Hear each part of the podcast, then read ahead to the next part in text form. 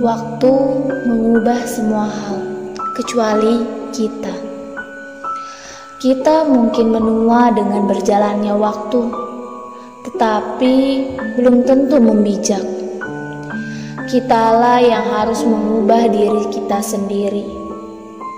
Semua waktu adalah saat yang tepat untuk melakukan sesuatu yang baik.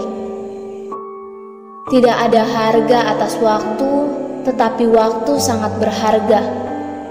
Memiliki waktu tidak menjadikan kita kaya, tetapi menggunakannya dengan baik adalah sumber dari semua kekayaan.